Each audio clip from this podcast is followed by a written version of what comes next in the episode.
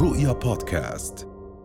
أنتقل للمحور الرابع والأخير ونتحدث فيه ونعود فيه لحديث حول تطورات في الضفة الغربية وأرحب بالخبير العسكري اللواء واصف عرقات لواء واصف مساء الخير. مساء النور تحياتي.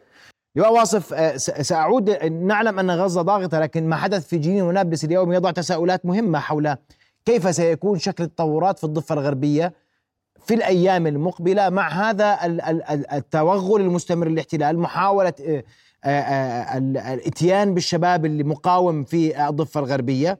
وما مصير كل هذه التطورات تحديدا في جنين ونابلس وطول كرم. يعني يا أخي محمد أنت تعرف إنه الضفة الغربية هناك تداخل آه، بين الفلسطينيين وبين الإسرائيليين، بين الفلسطينيين والمستوطنات، بين الفلسطينيين والمست... والمعسكرات الإسرائيلية، فبالتالي هي تخوض حرب آه، أشبه بالسرية منها إلى العلنية. فبالتالي إسرائيل منذ العام 2021 وهي تحاول قدر الإمكان منع تنامي قدرات المقاومة وفشلت. كان هناك ثلاث خطط حقيقة كاسر الأمواج وطنجرة ال- طنجرة الضغط وجز العشب وكل عملية وكل خطة من هذه الخطط رافقها أكثر من عملية اقتحام لمخيمات ولمدن ولقرى وطبعا تمكنت المقاومة الفلسطينية من التصدي لهؤلاء الغزاة وأوقعت فيهم خسائر وطورت نفسها وما زالت والآن انتقلت من مرحلة العمليات الفدائية الموجعة وقد بلغت حوالي 6700 عملية منذ مطلع 2023 حتى اليوم. آه، وما زالت وما زالت مستمرة. ولكن كما قلت لك هذا التداخل الموجود وهذا وه- يعني ابعد أبعد دبابة عن أي موقع فلسطيني لا يتجاوز كيلو متر أو 2 كيلو متر طبعا حينما نقول دبابه يعني هناك سرايا مشاة يرافقها. هناك نعم. طائرات هناك- مسيرات هناك أجهزة أمنية واستخبارية. فبالتالي مع كل هذه الظروف المعقدة المقاومة الفلسطينية الآن تستنزف 30% من الجيش الإسرائيلي. هناك إرباك حقيقي هناك قلق حقيقي. وأنت تعرف انه الضفة الغربية بالنسبة لإسرائيل التي تعتبرها يهوذا والسامرة هي خاسرة. هي قلب هي قلب المشروع الصهيوني. فبالتالي العين عليها دائما وابدا يعني بشكل مدقق تماما. فلذلك ما يقوم به الأبطال الفلسطينيون اليوم هو التصدي لممارسات الاحتلال، الاحتلال الإسرائيلي الآن قطع اوصال الضفة الغربية، لا يمكن التواصل بين القرية والأخرى إلا بعد المرور على حواجز الإذلال والعقاب الجماعي. آه، بن جفير وسموتريش أعلنوا أعلنوا خطتهم، قالوا أمام الفلسطينيين ثلاث ثلاث أشياء. إما أن أن تقبل بأن تكون عبدا لنا وإما أن تقتل وإما أن تهاجر. فأمام هذا المخطط الجهنمي المقاوم الفلسطيني الآن يخوض حرب يعني حرب عصابات مجموعات صغيرة آه، تعرف نقاط قوتها تستخدمها مقابل نقاط ضعف العدو آه، تكمن آه، تضرب حينما يمكن ذلك توقع خسائر واصابات تدافع عن نفسها اليوم مخيم جنين عدد الشهداء فيه يعني تجاوز العدد ال- يعني 12 13 شهيد اليوم فبالتالي آه، المستوطنين الذين تم تسليحهم بأحدث أنواع الأسلحة الأوتوماتيكية من أجل قتل الفلسطينيين. فبالتالي أنا بتقديري الفلسطيني صحيح أنه يخوض معركة الدفاع عن النفس ولكن يؤلم العدو الإسرائيلي ويستنزف قواته ويمنعه من تحقيق رغباته. طب إلى إلى أين مآل الأمور آه، لواء واصف اليوم؟ نتحدث يعني- عن جنين نابلس آه، كان الأمر محصورا في جنين. جيوب هنا وهناك عرين الأسود لم تصدر بيانات واضحة حتى اللحظة. كتائب المقاومة في مخيم جنين مخيم بلاطة هي من تصدر البيانات. والسؤال أين عرين الأسود اليوم؟ كيف سيكون شكل الضفة الغربية في قادم الساعات والأيام؟ شوف أخي محمد يعني كما قلت الفلسطينيين والشباب الذي أخذ على عاتقه التصدي للاحتلال وهذه الكتائب هي مقاومة. هي امكانياتها متواضعة ليست بإمكانيات جيوش ولا تملك هي خطوط دفاعية أو مواقع ثابتة. هي يعني تحاول قدر الإمكان الحصول على أسلحة ولو كانت متواضعة وهي بالفعل متواضعة.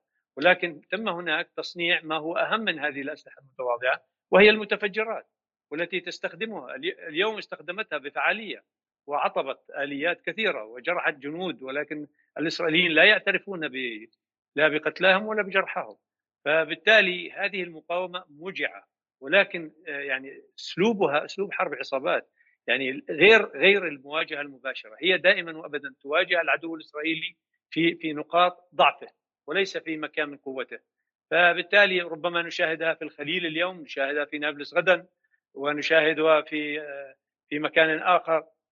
المهم أن الجيش الإسرائيلي الآن يطبق يطبق على الضفة الغربية بجنوده بمستوطنيه بأجهزته الأمنية والاستخبارية ومع كل ذلك يستطيع المقاوم الفلسطيني أن يتسلل إلى المستوطنة أو إلى طريق المستوطنات ويقنص ويقتل ويجرح ويؤذي ويستنزف ويستنفر. يعني المستوطنين كانوا منفلتين من عقالهم. يعني هذه العمليات الفدائية الآن تربكهم. أما إن شئت هل هل ستتطور؟ بالتأكيد ستتطور إلى إلى انتفاضة شعبية عارمة. هذا هذا مرهون مرهون بممارسات الاحتلال ومرهون بما يقوم به من جرائم ضد الشعب الفلسطيني. الشعب الفلسطيني يعني خاض انتفاضتين والانتفاضة الثالثة على الأبواب. لما لا؟ هناك من يسأل ماذا أنت تتحدث لما لا؟ والوضع يقول اليوم أن هناك ضغوطا كبيرة تمارس على أهلنا في الضفة الغربية. و... وأنت قلت أنها مقطعة الأوصال اليوم. والاحتلال يعني يراقب كل شاردة وواردة في الضفة الغربية. والانتفاضتين الأولى والثانية التي اللتان برعتا في مقاومة الاحتلال وكان كانت في نفس الظروف. كانت مقطعة الأوصال. كانت يعني السواتر الترابية تمنعك الخروج من من قرية إلى أخرى. وكانت الحواجز العقاب الجماعي منتشرة. ومع كل ذلك كان هناك انتفاضة وكانت هناك عملية سور واقي اجتياح اجتياح الضفة الغربية بالكامل بالجيش الإسرائيلي حوالي حوالي 130 ألف جندي إسرائيلي اجتاحوا الضفة الغربية عام 2002 ومع كل ذلك لم تتوقف المقاومة ولم تتوقف العمليات الفدائية. حينما أقول لك 6704 عمليات فدائية منذ بداية العام 2023 حتى اليوم. فبالتالي صحيح إنه الضفة الغربية لأنها منتشرة ويعني العمليات آه، يعني متقطعة ليست كما هي الحال في غزة. غزة يعني مسرح عمليات مقاومة في مواجهة جيش صحيح. هذا غير غير متوفر في الضفة لأنه الضفة الغربية كما قلت لك هناك تداخل. يعني أبعد مكان في الضفة الغربية عن الثكنه العسكريه أو عن المستوطنة أو عن مركز الأمن والاستخبارات الإسرائيلية لا يتجاوز كيلو أو 2 كيلو متر.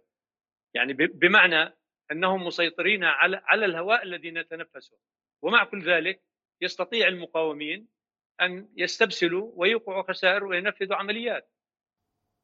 نعم. طيب انت تتحدث أن انتفاضة ثالثة قد تكون آه، قريبة اليوم في الضفة الغربية. والسؤال كيف سيكون رد فعل الاحتلال على آه، انتفاضة ثالثة وأيضا سؤال بخبرتك العسكرية لماذا صمت عرين الأسود حتى اللحظة؟ ماذا يخبئ عرين الأسود؟ شوف أخي العزيز يعني لنأخذ مثلا طوفان الأقصى. طوفان الأقصى هذا الإعجاز العسكري. ما الذي جعله ينفذ عمليته ببراعة؟ اولا ثلاث سنوات من الإعداد والتدريب والتخطيط ومعركة عقول وأدمغة وتضليل للعدو وخدعة استراتيجية ومن خلالها استطاع أن ينفذ هذه العملية وبرع فيها 1200 مقاتل هزموا 10000 جندي إسرائيلي. فبالتالي نحن أمام مقاومة لها تكتيكاتها لها استراتيجيتها لها خططها. كما هو العدو لا يعلن أحيانا. يعني لاحظ الاخي محمد هلا في قطاع غزة الإسرائيليين لا يعلنون أي شيء عن عملياتهم العسكرية ولا أي ولا عن قتلاهم يعني هناك صحفي اسمه مردخاي أعلن عن قتل الإسرائيليين في المستشفيات وتم اعتقاله. فبالتالي نحن أمام خطط واستراتيجيات. هذه الاستراتيجيات يعني نثق بها نجحت في السابق يعني من منذ عام 2021 حتى اليوم يعني ثلاث سنوات متتالية متعاقبة ثلاث خطط عسكرية آه، تم إفشالها للعدو الإسرائيلي. أربع رؤساء هيئة أركان تناوبوا على وقف نمو تطور المقاومة الفلسطينية ولم يفلحوا. هؤلاء الشباب الصغار بالسن هؤلاء من أعمار الانتفاضتين الأولى والثانية هم الذين يقودون الآن العمليات الفدائية ويستطيعون تضليل آه، الأجهزة الأجهزة الأمنية والاستخبارية والجيش الإسرائيلي وأربع رؤساء هيئة أركان ولم يفلحوا في وقت نمو تطور المقاومة الفلسطينية. وهي تبرع الآن وأنا أعتقد أنه لديهم العديد من المفاجآت ولكن كل شيء في وقته. كل شيء في وقته. أشكرك كل الشكر لواء واصف علاقات الخبير العسكري علقت على تطورات ما يحدث في الضفة الغربية من اقتحامات لنابلس وجنين شهدناها. اليوم. رؤيا بودكاست.